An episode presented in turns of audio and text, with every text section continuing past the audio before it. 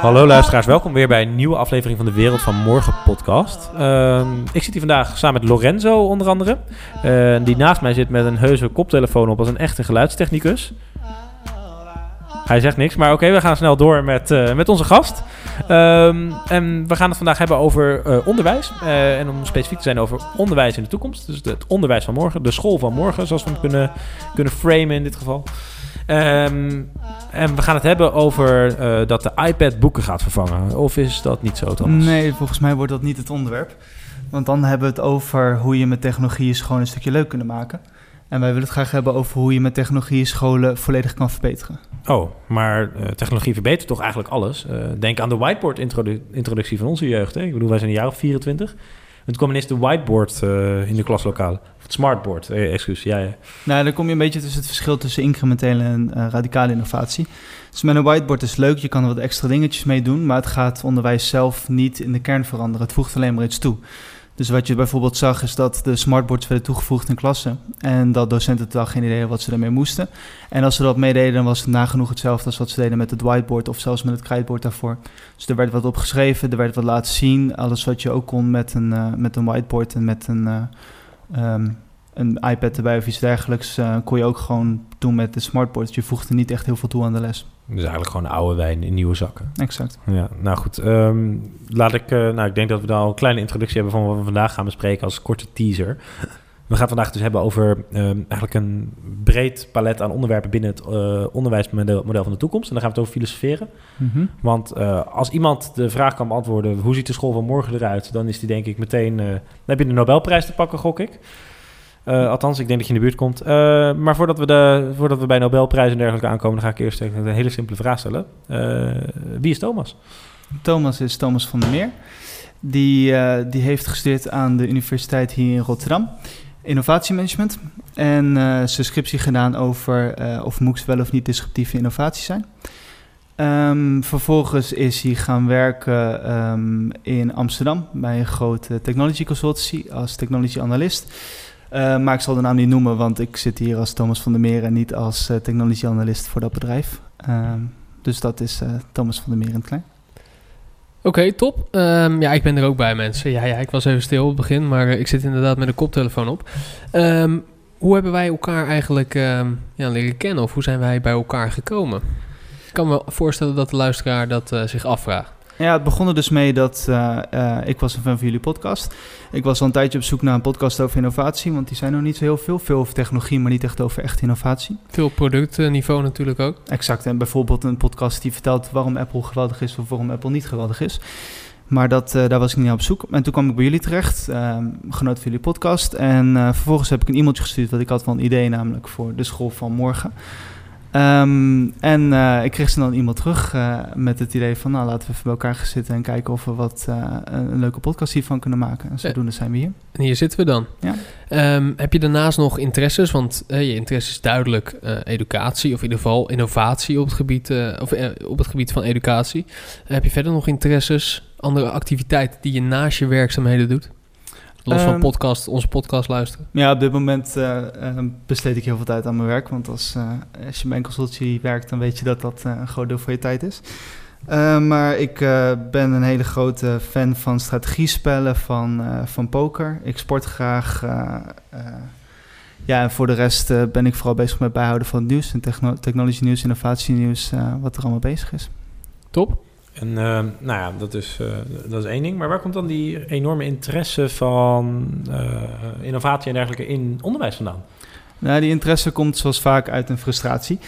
Um, toen ik begon in de brugklas, toen was alles nieuw en leuk. Want je komt net van de basisschool vandaan en je denkt... oh, dit is allemaal, ik kan allemaal nieuwe dingen zelf gaan doen. ik krijg veel meer nieuwe stof. basisschool is meestal saai, is allemaal hetzelfde. Ik was vaak wel...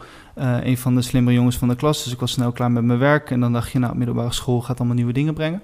En vervolgens merk je dat je gewoon weer in hetzelfde riedeltje valt van standaard lessen, uh, 50 uur roosters, uh, um, niks bijzonders. En toen dacht ik, nou, ik kan me heel erg gaan zitten frustreren en tegen mijn vrienden vertellen hoe kut school is. Nou ja, dat doet iedereen. Sorry als ik geld op die leeftijd, op die leeftijd denk ik wel, ja. En, uh, maar uh, ik ben gewoon gaan kijken naar ja, wat, is er voor de rest allemaal te, te vinden op het gebied van nou ja, de school van de toekomst. En uh, toen kwam ik erachter dat ja, educatie is eigenlijk de, de laatste industrie die echt um, um, een grote radicale innovatie heeft meegemaakt in de laatste decennia. Ja, ik denk als we kijken naar educatie van 50 jaar geleden en nu, is er vrij weinig veranderd. Los van die iPad dan waar we op het begin uh, over hadden. Ja, dus dat is weer die incrementele innovatie tegen de radicale innovatie. incrementele innovatie, het verandert een klein beetje en het wordt een klein beetje beter. En radi radicale innovatie, dan zie je gewoon nieuwe spelers. Dan zie je gewoon dat het hele idee van educatie zou veranderen. En dat is dus de, 50, de laatste 50 jaar niet gebeurd. Ja, zoals je vaak ziet wordt uh, educatie vergeleken met een fabriek... waarbij je gewoon kinderen op een lopende band zet... En die beginnen allemaal in een pakketje rond dezelfde leeftijd. Dat is de enige reden dat ze bij elkaar worden gegroepeerd. Die gaan gewoon door een lopende band van, uh, van klas naar klas, van jaar naar jaar. Krijgen allemaal dezelfde stof, krijgen allemaal hetzelfde idee. De enige verschil is de docent die, uh, die misschien iets anders inbrengt. En vervolgens worden ze na vier, vijf, zes jaar uh, er vanaf gegooid en naar de volgende opleiding of naar het werk gestuurd. Ik weet nog heel goed, uh, en ook op eind basisschool, ik was altijd, eigenlijk jouw verhaal ook een beetje, ik was altijd heel snel klaar met mijn werk. Ik bedoel, er werd, er werd, er werd tegen je gezegd, vul dit, dit opdrachtenboekje in. En er stonden echt, nou ja, ik vond het echt, ja, kolderiek zo makkelijk, zeg maar. Ik kwam, ik, kwam, ik kwam niet meer, ik, kwam, ik kreeg een uur en ik was na tien minuten al klaar, zeg maar. met de meeste vakken. En wat ga je dan doen op dat moment? Dan ga je clearen. Dan ga je praten met iemand, want je verveelt je toch, je hebt veel energie. Althans, ik had veel energie. Ik had geen ADHD of iets dergelijks, maar ja, op een gegeven moment merkte ik gewoon heel erg dat ik heel erg wil. Uh, ik moest heel erg in het stramien passen die die, die, school aan me bood. Ik ging clearen en toen werd ik het, het, lokaal uitgezet. En dacht ik bij mezelf, ja, wat is dat nou pedagogisch? Dus dat ik, ik, ik word, nou, dat dacht ik, dat dacht denk ik niet nu, niet toen. Maar dan werd ik dus de klas uitgezet, omdat ik eigenlijk, eigenlijk werd ik gestraft dus, omdat ik niks te doen had op het moment dat iedereen al bezig was. En ik denk dat dat precies een beetje is waar we het over gaan hebben, een beetje stukje schoolcultuur. Um, en uh, een van de dingen die uh, daar heel interessant in is, en dat is ook uh, waar we het ook even over hebben gehad in de voorbereiding hiervoor, is dus een beetje verleggen van focus. misschien kan jij dat beter uitleggen dan ik, maar waar we het over hebben gehad, dat is dat we een klas hebben van bijvoorbeeld 30 leerlingen, in het geval van het middelbaar onderwijs vaak. Dan heb je een verdeling van, nou ja, vijf snappen er niks van. En krijgen dus extra les hiervoor. Nou, dat is bijles gewoon. Hè. Ik, bijvoorbeeld, ik snap geen Nederlands, dus ik krijg bijles. Kan ook op, opvoeding zijn trouwens. Uh, dat is ook een, best up-to-date thema. Uh, en aan de andere kant he, kost dat natuurlijk heel veel geld. Bijles is gewoon extra mankracht. Extra mankracht is duur en er is weinig geld in het onderwijs. Nou, vijf snappen het precies, dus dat is prima. 18 snappen het een beetje, dus die, die, gaan, die gaan wel over. En ja, weet je, het, dat, dat, dat lukt allemaal wel. En twee lopen er hard en die worden geremd. Net zoals wat uh, waar ik het net over had, in mijn geval en in jouw geval vaak ook. En ik denk ook dat heel veel mensen die deze podcast luisteren daar ook wel een herkenning in trekken. Uh, hoe zou jij zeggen van, nou, hoe kun je dat dan aanpassen, zoiets? Waar, zit dat probleem? En hoe komen we tot de kern van zo'n probleem en hoe lossen we zoiets op bijvoorbeeld? Ja, dat is een mooie vraag. Um, het grappige is ook dat je ziet dat... Het, je kan natuurlijk zeggen, er zijn bepaalde slimme kinderen die in alle vakken goed gaan. Maar je ziet ook dat heel veel kinderen of heel veel leerlingen gewoon sommige vakken goed snappen en andere niet. En toch moeten ze per dag 50 minuten per vak besteden. Dus de eerste oplossing zal simpelweg zijn dat je zelf je tijd kan indelen. En dat je kan zeggen: Oké, ik kan dit in 20 minuten doen en hier heb ik 70 minuten voor. En daardoor een veel flexibeler schoolsysteem hebben. Uh, nu zit je echt heel erg vast aan stramien en uh, heb je daardoor ook aan het eind van de dag nog huiswerk wat je moet doen, omdat je zelf geen tijd tussendoor hebt gehad om huiswerk te doen op rustige momenten. Als je je Duits huiswerk gaat doen tijdens uh, wiskunde, dan word je daarop aangekeken. Dat wordt niet echt heel erg bejuicht. Dus wordt niet gewaardeerd. Dat wordt niet gewaardeerd, inderdaad, ja. Dus dat zal al één verschil zijn. Ten tweede heb je dus inderdaad de slimme kinderen die eigenlijk op zoek zijn naar meer ja, uh, als je op de basisschool zit, dan heb je soms van die plusklasjes. Dus dan op het moment dat je uh, klaar bent met je werk, dan mag je daarin en dan kan je Spaans leren. Of dan ga je iets met filosofie doen, iets in, in die richting. Iets wat je, wat je interesse wekt. Maar op de middelbare school heb je niet echt een kans om te zeggen van nou, uh, hoe heet het, dit boek interesseert me niet meer, ik heb wat, wat nieuws om te vinden. Dat, die, die, die kans krijgen leraren niet om dat aan een leerling te, te gunnen. Want die hebben 30 leerlingen voor de klas. Dus die moeten ervoor zorgen. En uiteindelijk besteden ja. ze vooral tijd aan de leerlingen die er heel veel moeite mee hebben. Dus de leerlingen die er niet moeite mee hebben, maar die vooruitlopen, ja, die gaan goed. Dus daar hoeven ze geen tijd aan te besteden. Het is zeker goed om een soort van uh, basisonderwijs te hebben, waarbij je weet van uh, dit zijn gewoon bepaalde feiten, dit zijn bepaalde eh, kennis die je moet hebben. Het is gewoon belangrijk dat mensen ook een beetje weten hoe de Nederlandse geschiedenis in elkaar zit en niet daarvoor eh, moeten kijken op Wikipedia. Aan de andere kant kan je afvragen, ehm, heb je daar echt zes jaar nodig om die basiskennis voor eh, binnen te krijgen? Uh, gaan we soms niet te ver door op bepaalde onderwerpen en wat we kunnen? En als je basisonderwijs veel sneller zou kunnen doen, dan heb je dus veel meer ruimte om andere vakken te geven of andere interesses.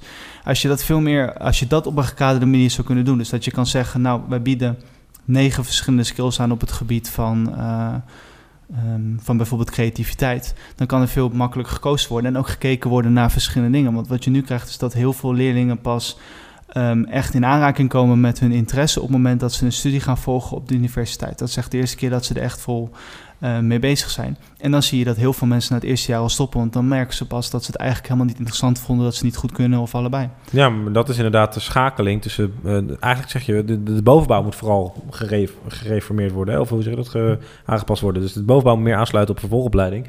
En daarin snap ik ook wel heel goed wat jij, uh, wat jij Lorenzo, net zei. Van daar kan ik me heel erg in vinden. Alleen over de hele breedte. Ik vind die basis die wij nu mensen, maar mensen opleiden, vind ik heel goed. Alleen ik weet nog heel goed vanuit mijn uh, periode op de middelbare school. Dan moest ik bijvoorbeeld leren wat parabolen waren in de grafische rekenmachine. En, en sinus, cosinus, kan ik me nog herinneren, dat soort termen. Nou, sorry hoor, maar daar heb ik nooit meer wat mee gedaan. En ik bedoel, toen weet ik nog wel dat, uh, dat de docent letterlijk tegen me zei: We moeten nou voor jou terechtkomen. Je weet niet eens wat cosinus is. Nou, mijn docent vertelde me, um, ik vroeg hem waarom moet ik de cosinus en de sinus leren. Hij zegt nou, dat staat in de stof zo, dus het moet gebeuren en je krijgt een toets over en daar wil je voldoende voor halen. Hij kon mij niet vertellen hoe ik dat later ging gebruiken. Hij gebruikte het zelf amper, dat dat die docent uh, wiskunde was. Um, dus ja, bij dat soort uh, um, kennis is toch echt de vraag: gaan we dat echt nodig hebben? En is de basiskennis niet veel sneller te leren? Kunnen we vervolgens niet meer ingaan op wat zijn interesses en dat op nieuwe manieren leren? Uh, we hebben nu heel erg over de stof gehad. Dus uh, over de stof en hoe we dat kunnen veranderen in de, in, de, in de school van morgen. Maar hoe ziet die school van morgen eruit? Wat is dat voor ruimte? Is dat nog wel een ruimte met meerdere leerlingen? Zit die leerling wel op een school? Is thuisschool? Weet je, dat zijn vragen um, die we ons kunnen stellen als we gaan kijken naar uh, de school van morgen, denk ik, Thomas. Ja, thuisschool zet ik altijd een beetje mijn vraagtekens bij. Um, enkel door de simpele reden dat um, ouders ook naar hun werk moeten en niet de hele dag thuis kunnen letten op hun kinderen. Als je middelbare school wat later hebt, kunnen ze natuurlijk thuis zitten. Maar je wil ook gewoon contact hebben met andere leerlingen. Dit is toch een plek waar je um, leert hoe het is om een, om een volwassene te worden en uh, je eerste ervaringen opdoet. Dus het is nog steeds heel belangrijk dat die leerlingen samenkomen. Maar je hebt echt geen lokaaltje meer nodig waar leerlingen met stertige in zitten en van klas naar klas gaan. Ik zie meer een, uh, een leergebouw vormen waarbij je gewoon verschillende plekken hebt waar je op een bepaalde manier kan leren. Waar um, ruimtes zijn ingericht op, uh, op de vakken die ze geven, niet per se op een standaard formaat. Maar ook op bijvoorbeeld um, wat wil je ermee bereiken. Dus bijvoorbeeld speciale lokalen waar je uh, kan samenwerken, waar je daar alle mogelijkheden voor hebt. Maar ook ruimtes waar je gewoon rustig kan zitten en even twee uur door bepaalde stof mm -hmm. heen kan gaan. Uh, zo ben ik zelf naar de Universiteit van Manchester geweest, waar ze een gigantisch gebouw hebben waar je uh, kan zitten, kan liggen, kan staan, uh, bewegend kan leren. Je kan er van alles doen. Ja. En niet de hele dag hoeft te zitten en enkel loopt op het moment dat je naar de pauze toe gaat. Nou, ik vind het wel mooi dat je zegt een, een plek waar leerlingen samen kunnen komen en nog wel met elkaar kunnen interacteren en ook huiswerk kunnen doen. Maar ik kan me heel erg goed herinneren, als ik kijk naar mijn middelbare schooltijd, is dat wij niet op school gingen zitten, maar ik deed dat gewoon via MSN huiswerk en, uh, en uh, uh, ja, praten met, met andere leerlingen om samen tot de oplossing te komen. Denk je dat die scheidingslijn tussen het fysieke contact en het digitale contact, nu met bijvoorbeeld een WhatsApp-groep of weet ik veel wat voor groep, dat dat niet steeds groter wordt en dat dat voor de volgende generaties, de komende generaties die die educatie gaan krijgen op die manier, misschien minder vanzelfsprekend is dan voor ons? Ja, je kan, je kan natuurlijk allerlei verschillende social media gaan bekijken hoe dat waarde kan toevoegen. Je kan gaan naar um, bijvoorbeeld een, uh, een, Skype, waarbij je gewoon ook met mensen over de hele wereld kan samenwerken. Waarbij je ook leerlingen in, in aanraking laat komen met bijvoorbeeld iemand uit Brazilië, iemand uit Afrika en iemand uit China.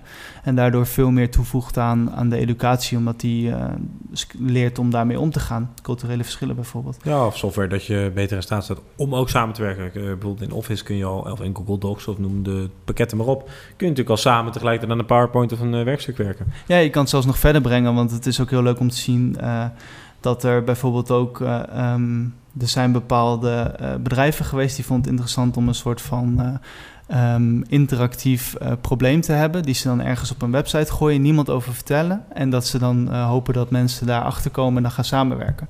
En dan zie je gewoon dat als je zo'n moeilijk vraagstuk neerzet, wat een persoon niet in, in zijn eentje kan oplossen, dat er gewoon hele groepen mensen eh, omheen komen die dat gaan.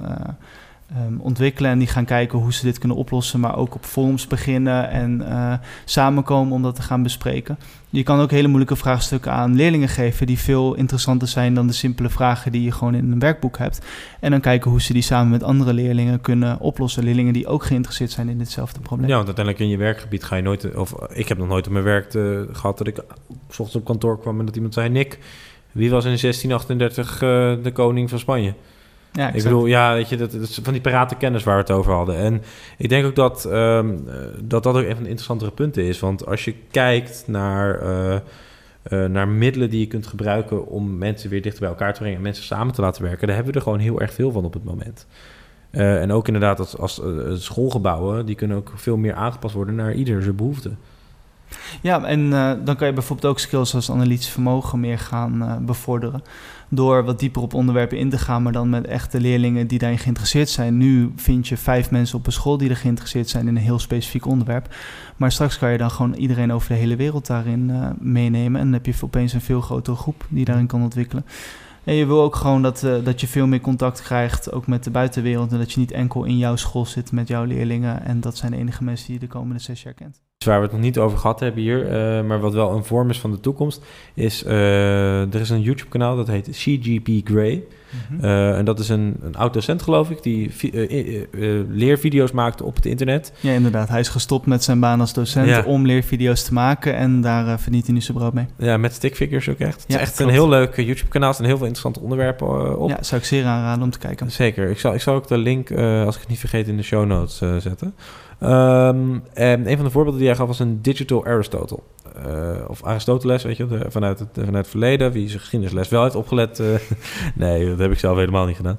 Maar dat was de, de privéleraar van een van de Romeinse keizers, geloof ik. Nee, van, Van- eh, van filosoof volgens mij. Maar op zich Nou, is dat maakt niet niet heel belangrijk nee, maar inderdaad. maakt niet uit, maar hij was een privédocent. Ja, het idee is En een inderdaad... privédocent is natuurlijk een goed idee. Ja. Alleen onbetaalbaar, onmogelijk. Ja, klopt. Want uiteindelijk wil je eigenlijk gewoon dat, eh, dat educatie zo op maat is gemaakt voor iedere leerling. En daar heb je Mhm. eigenlijk gewoon een privédocent voor nodig. Want Precies. uiteindelijk is docent degene die de vorm geeft aan het... eh, Ja, want die snapt dat hij af en toe moet afremmen en af en toe juist moet doortrappen. exact, en die kan je vragen beantwoorden. Precies, en als jij een technologische do- docent hebt in de verre toekomst, of een samenwerking tussen een technologische docent en een bestaande docent, dan kun je dus zeggen: eh, Ik krijg een privédocent die mij alles gaat leren. Ja, dus dan eh, weet het eh, programma weet dan op dat moment Welke video moet hij nu aan die persoon laten zien? Exact. En Wat snapt bij dit hem? al wel, snapt je dit al niet? Moeten we hier Mhm. een extra opgave voor doen, ja of nee? Kijk, op de korte termijn zul je zien dat dat voornamelijk door docenten wordt gedaan. Door een online programma te hebben waarop je leert, kan je veel beter in de gaten houden hoe een leerling zich ontwikkelt. Je krijgt nu erg dat je ehm, een aantal contactmomenten in het jaar hebt, namelijk de testen die je maakt. Eh, waarmee je kan zien of iemand be- beter gaat in zijn vordering of minder. Maar ja, het kan ook net zijn dat dit een onderwerp was dat hij interessant vond of waar hij heel goed in was. En dan lijkt het alsof iemand vooruit gaat, maar dat, die haalde gewoon één keer een acht, omdat dat net eh, het moment was dat hij had geleerd.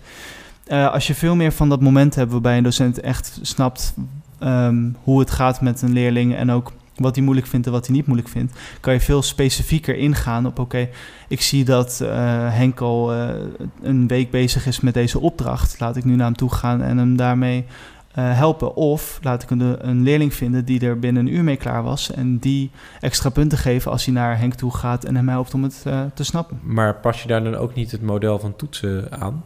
Ik bedoel, wat, wat je zou kunnen zeggen is: van we stoppen met toetsen. Je bent gewoon aan het trainen totdat je herhaaldelijk op een bepaald niveau komt.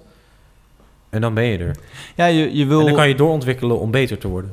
je wil toetsen meer gebruiken als een soort van uitdaging voor een leerling om te laten zien dat hij echt begrijpt hoe het zit. En op Mhm. dit moment is het enkel gewoon heb je de feitjes in je hoofd en kan je die vervolgens nog opschrijven. Ja. Maar eh, met opdrachten kan je er gewoon voor zorgen dat iemand een bepaalde ontwikkeling maakt. En met een toets kan je een soort van moment hebben waarbij hij echt een grote opdracht krijgt. Waarbij hij moet laten zien dat hij begrijpt waar het over ging. En daarmee ook een onderwerp kan afsluiten. Want dat is ook heel belangrijk dat je een afsluitsmoment hebt en door kan gaan naar het volgende onderwerp. Ik denk dat eh, het voorbeeld wat je net geeft, eh, Aristotle, dat dat eh, een mooi voorbeeld is van de individu- individualisering die we zien in het, op het gebied van, van onderwijs. Dat zien we nog niet zozeer op het, op het basisonderwijs en het middelbaar onderwijs, waar we het net al over hadden. Er is toch wel een bepaalde basis die je kinderen mee wilt geven. En ja, wie, wie dat bepaalt, wat die basis dan is. Hè? Wat je net al zegt, ja, moeten wij Duits leren als wij misschien helemaal niet naar Duitsland gaan, of als we straks gewoon een computer hebben die er eigenlijk al is, die gelijk jouw Nederlandse zin vertaalt in het Duits. Dat is natuurlijk de vraag. Maar als we gaan kijken naar uh, vervolgonderwijs, bijvoorbeeld uh, universiteit, hogescholen, MBO, zijn er natuurlijk al mooie voorbeelden van individualisering op het gebied van, van onderwijs. Bijvoorbeeld de LOE's, de NCOE's, de Scheideggers van deze wereld, waarbij jij op je eigen tempo, je eigen pakket, voor jouw prijs, voor een prijs die daarbij hoort, um, ja, kan leren. Ja, ik, ik pak hem nog even terug naar die overgang van middelbare school naar, um, naar een universiteit of een LOE. Wat je wel ziet is dat je um, moet kunnen laten zien dat je een bepaalde uh, onderwijs aan kan. Dus wat je nu hebt is dat je aan het einde gewoon je diploma haalt en dat je daarmee kan laten zien, dit is de basisvaardigheden die ik heb. Ja. Wil je overgaan van de middelbare school naar een vervolgopleiding, dan moet je er wel voor zorgen dat je kan laten zien welke skills je gehad hebt. Dit hoeft dan niet meer per se, per se in een diploma te zijn, maar meer in een soort van portfolio waar je kan laten zien wat je allemaal uh, voor vaardigheden hebt geleerd. Ja. En dan kun je ook veel specifieker kijken, oké, welke uh, vaardigheden heb ik in mijn portfolio nodig voor een bepaald vervolgonderwijs en daarop inspelen. Ik heb zelf voor mijn bedrijfskundestudie, mijn bachelor, heb ik uh, een, een, vak gehad wat gewoon alles herhaalde wat ik nodig had uit mijn middelbare uh, schoolonderwijs om die opleiding te gaan doen. Mm -hmm. Wat totaal onnodig was natuurlijk, want dat zou ik al tijdens mijn middelbaar onderwijs gedaan moeten, uh, moeten Dat is hebben. natuurlijk ultieme geldverspilling en tijdverspilling van die docent die ook gewoon een heel interessant vakgebied misschien had kunnen Ja, uitleggen. en blijkbaar was het wel nodig. leerlingen had kunnen doseren. Ja. ja, je ziet dan inderdaad wel de, de, de LOE's van de wereld die inderdaad veel meer kijken naar oké, wanneer wil je leren, wat wil je leren en welke prijs kunnen we daarvoor vragen voor het specifieke stukje. Um, zeker als je aan het werk bent, dus dan ga je het hebben over, over later onderwijs. Dan, uh, dan, dan wil je gewoon kunnen leren op het moment dat je daar tijd voor hebt. En dat kan op elk moment van de dag zijn. Dus dan moet het wel online gebeuren. Of je moet het uh, kunnen inschalen op een manier dat je um, ook gewoon nu kan leren, over een week kan leren en over een maand kan leren. En vervolgens wel gewoon je opleiding haalt. Ja. Maar ik begrijp wel eigenlijk uit onze discussie dat het eigenlijk begint bij dat uh, het basisonderwijs, dat, het, dat staat vast. Maar het middelbaar onderwijs moet eigenlijk het meeste in gebeuren, wat dat betreft. Ja, als, als we kijken naar de school van morgen. Ja, want het, het, het, basisonderwijs is vrij moeilijk om, om, om specifiek te veranderen, omdat er gewoon hele simpele vaardigheden zijn die je nodig hebt. Ja.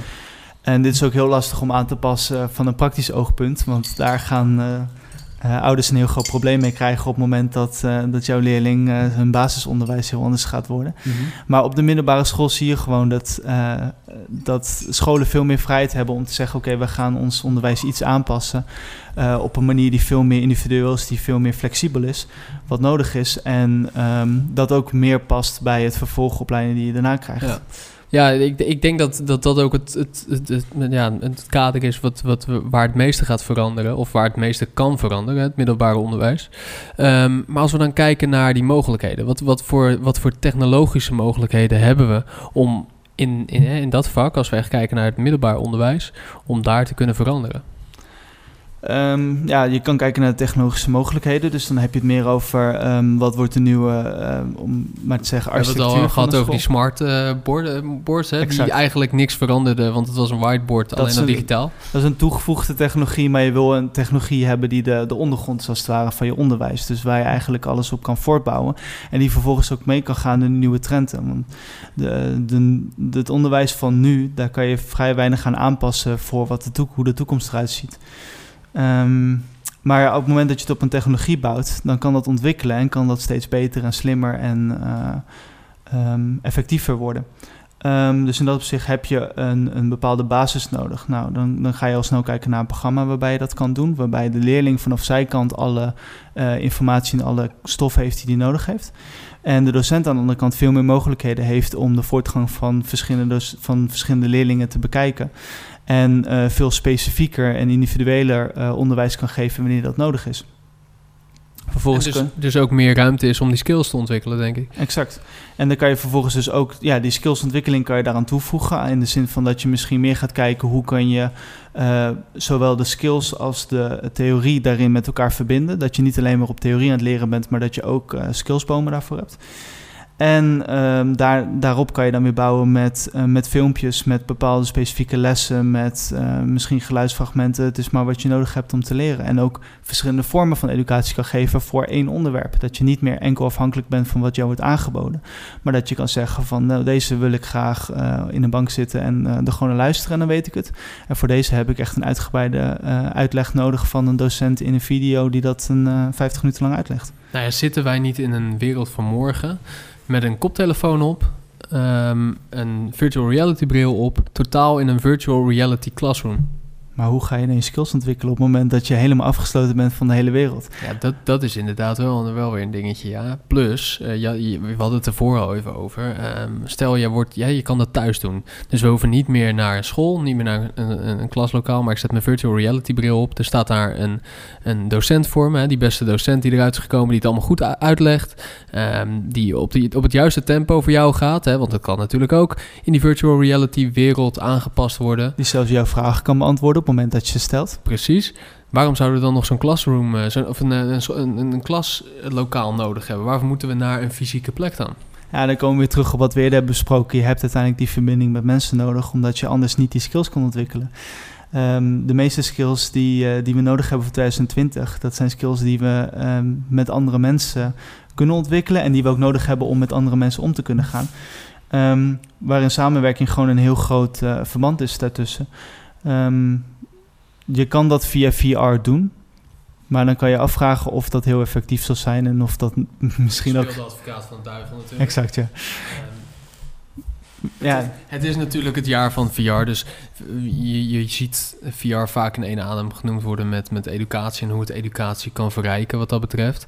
Ehm, maar wat je zegt, als we gaan kijken naar dat, eh, er is een model online, eh, wat we hier ook bij hebben, is dat het, eh, ja, het onderwijs in 2020 op hele andere doelen zit. Bijvoorbeeld het probleem oplossen, wat alleen een mens kan. Ehm, eh, niet zozeer het 1 plus 1 uitrekenen, maar meer een, een probleem oplossen. Ja, en dat je ook een bepaalde sociale intelligentie hebt die alleen maar kan leren door met andere mensen om te gaan. Ehm, met zo'n VR-oplossing zou je meer kunnen kijken naar bijvoorbeeld eh vak als geschiedenis, waarbij alles heel ver weg ligt. Het zijn nummers, het zijn namen van mensen, maar je weet niet precies waar het over gaat. Op het moment dat je VR kan gebruiken om veel meer in een situatie te zijn en eh, op het moment dat jij leert over eh, de Eerste Wereldoorlog, dan, dan zie je het aantal doden die zijn gevallen. Dat is allemaal heel erg, maar je hebt er niet echt een gevoel bij, want je weet niet precies Ja, het is hoe dat veel gegaan is. verhalender ook qua vak. Hè. Ik bedoel, wiskunde kan je niet veel minder verhalend brengen natuurlijk dan geschiedenis. Ja, klopt. Dus je kan technologieën echt uitzoeken voor bepaalde vakken. Je hoeft niet VR voor elk Mhm. vak te gaan gebruiken, want dat is gewoon niet. Maar is dat ook niet een beetje... Als we, stel, we hebben straks, hè, om weer terug te komen op die Khan Academy, die iTunes U. Stel, je hebt zo'n platform, hè, die dus heel slim is en ook de content aanbiedt aan de hand van het niveau van de, de student. Ehm, die zou natuurlijk ook kunnen zeggen van, nou ja, eh, Piet, of weet ik het wie. eh, jij bent niet zo goed in eh, geschiedenis, merk ik wel. Althans, je, je, je bent nog niet zo ver als dat je zou moeten zijn of zou willen zijn. Ehm, laten we het eens een keer op een andere boek gooien. We proberen gewoon een keer VR. Kijken of dat beter bij je aansluit. Ja, dus dat is weer die meerdere mogelijkheden geven. Precies. En met elke En nieuwe technologie keer- die komt, krijg je weer een nieuwe mogelijkheid om dat te doen. Precies, een andere keer is gewoon een docent, eh, gewoon een eh, klaslokaal... of misschien een, een, een, een, een college terugkijken. Misschien even een spelletje spelen. Ik bedoel, ik vind, eh, hoe heet dat spel nou? Brain Games van Nintendo. Daar zou je natuurlijk ook hartstikke goed de tafel van drie mee kunnen leren. Ja, exact. Oh, en voor het basisonderwijs dan, hè, of heel eh, bazaal eh, qua stof. Vind ik echt heel slim. Dan ga je, ben je gewoon spe- als spelende ben je dus aan het leren hoe je moet rekenen. Ja, en als je ook kijkt naar, eh, naar games en gamification, dan Mhm. ga je ook veel meer op zoek naar hoe kan ik het niet alleen interessanter maken, maar hoe kan ik ook leerlingen meer stimuleren om het te doen. Ja, en dat doen we al heel lang. Want ik bedoel, ik vind Lego is ook een vorm van gamification. Je kan met Lego kan je bruggen bouwen. Technisch Lego. Ja, en je kan ook zelfs van, van leerlingen vragen om bijvoorbeeld bepaalde highscores te halen in het eh, ontwikkelen in een bepaald gebied. Of eh, in plaats van dat je zegt deze, deze opdrachten moeten af. maakt. Ja. Ja, in plaats van deze opdrachten moeten af, moet je dit, deze week 3000 punten halen. En hoe je dat precies doet, dat mag je dan zelf verzinnen. Daar stonden wij wel allebei bovenaan, Thomas. dus dat is wel oneerlijk, eh, zeg maar. Dat, eh, dat, eh, want dan heb je dat, dat wel weer die... Want ik geloof echt wel dat er niveauverschil zit tussen mensen. Ja, maar, ik Maar geloof dat- ook maar dat wel per vakgebied. Ja, exact. Dus dan die 3000 punten zijn er verdeeld over alle vakken. En misschien is de een beter in geschiedenis en de andere beter in wiskunde. Ja, of de zijn- een is beter in vakken... en de ander bijvoorbeeld beter in sp- sportachtige vakken. Of in skills. Dat kan Of natuurlijk in ook. skills. Ja, je kan ook heel erg zeker. kijken naar verschil. Sommige mensen zijn heel goed met theorie, maar zijn niet zo goed met mensen. En andersom. Eh, Ja. De mensen die heel goed met, eh, met theorie zijn, dat zijn de mensen die uiteindelijk toch een beetje ehm, van de mensen die heel goed in skills zijn, eh, eh, door elkaar losgelaten worden. En je wil ze toch Mhm. een beetje verbinden. Dus nu kan je ook groepen maken tussen die persoon is heel goed in dit deel van de theorie. Deze kan heel goed deze skill hebben. Dit is een goede leider die we kunnen toevoegen voor de groep. Op die meer veel specifieker kijken naar oké, wat kunnen we aanbieden en wie kunnen we met elkaar verbinden om iedereen eh, beter te maken. Als ik, denk, ik denk dat je nu een beetje zit in een groep... in een soort projectmatige werkvorm. Ehm, ik denk dat we even een sprongetje kunnen maken naar eh, HBO, universitair onderwijs. Eh, want dat vind ik ook een, een onderwerp waar het heel interessant is. En wat, omdat, dan ben je ook al wat verder in je ontwikkeling. Ik kan me heel goed voorstellen dat in, het, eh, in, in die vorm... dat bijvoorbeeld samenwerken met mensen van over heel de wereld... bijvoorbeeld voor een international business school... is dat super interessant. Dus dat je de technologie kan gebruiken om samen te werken met de mensen waar je ook uiteindelijk mee voor wordt opgeleid om mee samen te werken. Ja, exact. Je hebt nu gewoon dezelfde groep mensen. En bij veel universiteiten, zeker als de opleiding wat kleiner is, dan werk je meestal ehm, die drie jaar of die vijf jaar, of hoe lang je dan ook over je studie doet, met soortgelijke mensen. Op het moment dat Bijna jij zelf mag vaak. kiezen wie, je wie je neemt, dan heb je ja. meestal dezelfde drie mensen waarmee je elke opdracht doet. En vervolgens, ja, of, of je haalt hele goede cijfers, want iedereen die wil graag een goed cijfer. Of je haalt altijd zessen, want iedereen heeft zoiets van, nou jongens, we doen het bare minimum om een, eh, om een voldoende te halen en dat is genoeg. Ja, of je had altijd een van die ertussen zitten en dan drie van die andere. En dan die liften dan mee. Ja, exact. Ja, dat soort dingen. Ja, ik weet niet hoe. Ik heb precies hetzelfde wat jij nu schetst. Dat is precies hoe mijn, eh, mijn bachelor is gegaan, HBO Bachelor. Maar wat ik wel interessant vind als ik nu kijk naar eh, universiteit, is even een beetje persoonlijke anekdote eigenlijk. Ik ben nu aan het kijken van eh, welke masteropleiding ik wil doen eh, op dit moment. En ik zat heel lang ik verknocht aan een bepaald onderwerp, op marketingmanagement. En ik zat een beetje in het curriculum te kijken en ik zag eigenlijk dat het, dat het curriculum vaststond en dan kon je drie electives kiezen in totaal. Dus je moest er twee uit vier kiezen en vervolgens één uit drie. Terwijl ik wilde misschien wel drie uit de eerste vier. En helemaal geen één uit de laatste drie. Bijvoorbeeld. Maar dat kon niet. En toen was ik aan het kijken bij een andere universiteit. Ik zal de naam niet noemen, anders lijkt het een soort reclame. Uh, maar bij een andere universiteit kon ik gewoon zes vakken kiezen. En als ik er vier koos binnen een bepaald katern... werd- studeerde ik ook nog eens met een specialisatie af. Ja, en dan heb je veel meer individueel onderwijs waarbij je zelf de keuzes hebt. Precies. En ik werd gelijk veel enthousiaster op, op, op, op, op, dat, op, dat, uh, op die universiteit. Maar waarom zou je dan überhaupt nog een diploma met marketingmanagement willen hebben? En waarom niet gewoon een portfolio waarop te zien is welke vak je gevolgd hebt, hoe goed je erin was en welke skills je daarmee geleerd En later heb je je werkervaring ook nog. Ja, exact. En dan kan je het ook veel meer aan elkaar koppelen. Dat je zegt van nou, um, want nu is het altijd de vraag van oké, okay, wat heb ik precies nodig om deze baan te kunnen doen? Um, um, wat moet er op mijn cv staan? En dan heb je een bepaald, uh, dan heb je marketingmanager bijvoorbeeld als master erop staan. En dan was jij heel goed in de vakken waarbij ze eigenlijk naar op zoek zijn. Maar omdat jij gemiddeld uiteindelijk een 7,5 haalde, word je net niet aangenomen. Mhm. In plaats van dat je nu kan kijken van nou, ik heb deze vakken heel goed gedaan. En dit is wat nodig is om de, om de, om de baan Ja. te krijgen. Ja, we hebben een model hier staan van de Future Work Skills uh, uit 2020. Uh, waar dan een aantal dingen staan. En wat ik het leuk aan vind, is nu dat ik mijn eigen curriculum eigenlijk soort van kan samenstellen. Doe ik dat ook op basis van deze tien? Of uh, wat zijn het er, twintig? Nee, het zijn er tien.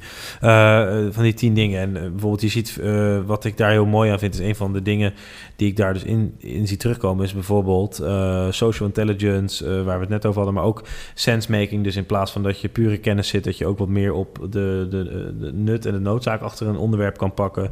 Maar ook adaptive thinking, computational thinking vind ik ook heel interessant. Maar ook transdisciplinair. Ja, dat, vind ik, dat vind ik echt hele interessante bewegingen. Uh, en vooral die laatste sluit heel erg aan bij, de, bij het punt... Ja, virtual collaboration staat er trouwens ook bij, Lorenzo. Ja, en cross-cultural conflict staat er ook bij. Ja, nou, precies. Dus, uh, ja, ja, precies. Dus je ziet ook dat dat allemaal uh, terugkomt in 2020. Maar ik snap ook überhaupt niet... Ik bedoel, er zijn echt... waar Lorenzo in het begin al een beetje aan refereerde... Er zijn echt al beroepen waarvan we eigenlijk al weten dat die 10, 15 jaar later uh, niet meer bestaan. En ik, een vriend van me die werkt bij een grote accountancy firma. En daar zijn ze eigenlijk aan het onderzoeken van... oké, hoe gaan we opvangen Eh, want we weten dat heel veel banen gaan verdwijnen. Hoe gaan we dat opvangen? Een van die firma's is letterlijk bij mijn studie innovatiemanagement langs geweest om te vragen eh, hoe ziet de toekomst eruit. En ongeveer alle groepen, alle studenten die eraan werkten, zeiden: jullie baan is er over tien jaar niet meer. Nee, dus wat gaan ze nu doen? Nu gaan ze mensen aannemen die dus de pro- het product maken. Dus niet de mensen aannemen, maar die het product maakt op een zo goed mogelijke manier. Dus gewoon boekhoudsoftware of zo, als je het een accountancyfirma is. Ja, er zijn zoveel mensen Of die. audit software, weet ik het. Ik zeg niet dat ik ben niet een kenner op dit gebied hoor, maar Nee, maar er zijn heel veel accountants die zijn nu simpelweg gewoon bezig met het checken van de cijfers en hun handtekening in de ronde zetten. En dat is de meest nou, audit, value eh, die ze ja, toevoegen, precies, ja. inderdaad. Ja. ja, waarom zou je dat niet met een programma kunnen doen? Ja, dat is, die wordt niet moe. Die is veel eh, nauwkeuriger, laser, laser precise. Ja, als je- zo'n bedrijf erachter staat en zegt, dit is goede software. Alles maar een voorbereiding. Dus dan heb je al heel veel werk. Eh, niet zozeer. Het is vaak wat ik. eh, wij, wij hadden laatst een presentatie, Lorenzo, en hadden eh, een discussie met iemand die zei: ja, Jullie hebben het alleen maar over technologie dat werk kan vervangen. En, dan denk ik, en die was daar heel boos om, die vond dat niet leuk. En ik denk bij mezelf: nee, ik, ik ben voor technologie. eh, Dat is ook de tagline van onze podcast. Wij willen technologie die ons helpt, waardoor wij uiteindelijk door een robot worden bediend en een pina colada kunnen drinken in de zon. Ja, dat is de verre, verre toekomst inderdaad. De hele verre toekomst inderdaad. Maar dat is precies waar we naartoe moeten, denk ik. En ik denk dat dat, dat, dat ook hetgene is waar we, eh, waar we ook in dit, eh, in dit onderwerp naar kijken. We moeten, we moeten de beroepen gaan doen die relevant zijn in 2020. Ja. Ik bedoel, meubelmaker was... eh, mijn opa was een meubelmaker. Heel relevant beroep toen. Maar nu, ik denk dat als hij nu van het... eh, nou, ik denk dat het mbo-opleiding is, maar ik denk als hij nu van mbo meubelmaker af zou komen... dat hij vrij weinig werk had. Ja, dan kan je zelfs de vraag stellen, waarom leren we geen coderen op de middelbare school? Goeie waarom vraag. is dat niet een heel belangrijk vak? Maar Dat is, de, dat is wel een van de eigenschappen van iemand die een product. Kijk, als jij nu kijkt naar de producten van de toekomst, is vaak heel veel, heel veel, heel veel van die producten is software. Ja.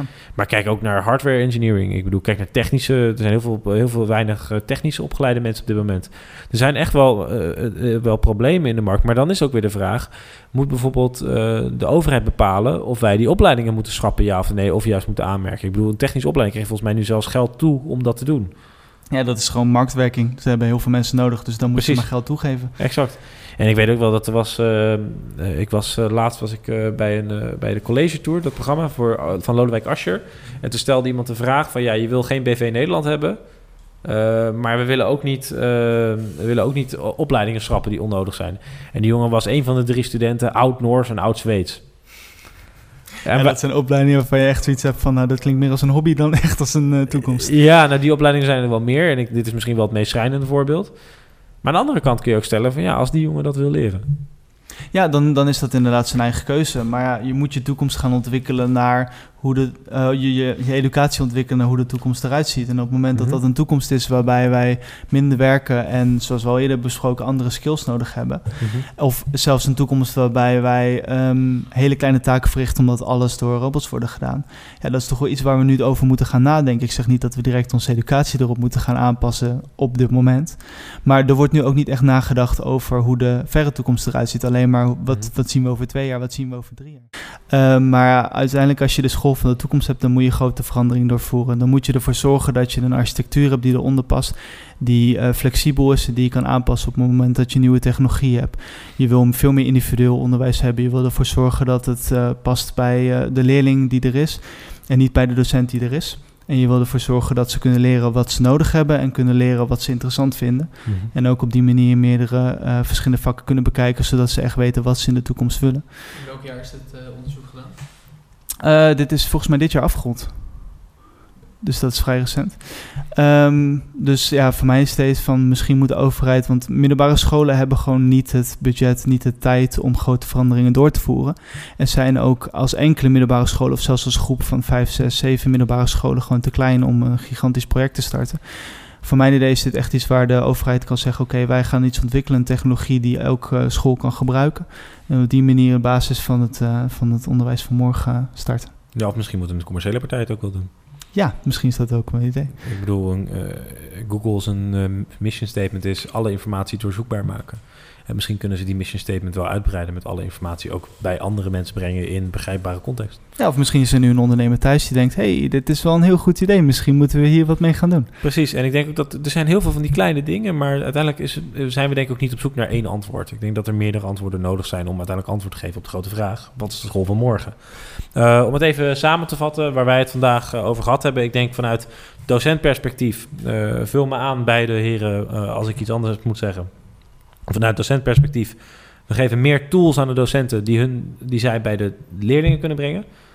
Eh, zoals eh, lessenpakketten, eh, zoals betere interfaces. Dus in plaats van dat je die videokast in het lokaal zit en een film kijkt, kun je mensen ook letterlijk meenemen in een VR-tocht door, door de oudheid bijvoorbeeld in de toekomst wellicht. Ja. Of door de dinosaurus-tijdperk bijvoorbeeld. Vanuit stofperspectief zijn we, hebben we gekeken naar... Ja, wat heb je echt nodig voor de toekomst? Welke vakken zijn nog steeds nodig? En hoe moeten we kijken naar welke skills we ook in de toekomst nodig hebben... en hoe we dat gaan leren? En voor de student kijken we veel meer van, oké, wat wil jij leren?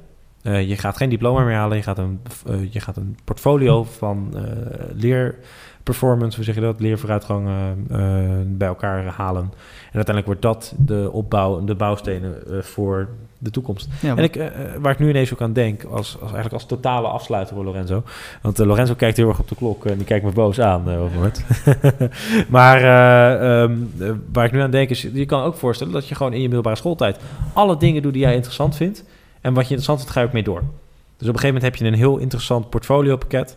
En dan kun je op basis van dat, eh, van dat, oh, dat is een beetje dubbelop, eh, van dat portfolio kun je zeggen, oké, jij, hebt dit, vond je dit, jij vond dit heel interessant, jij was hier heel goed in en je vond dit interessant. Deze volgopleiding past bij jou.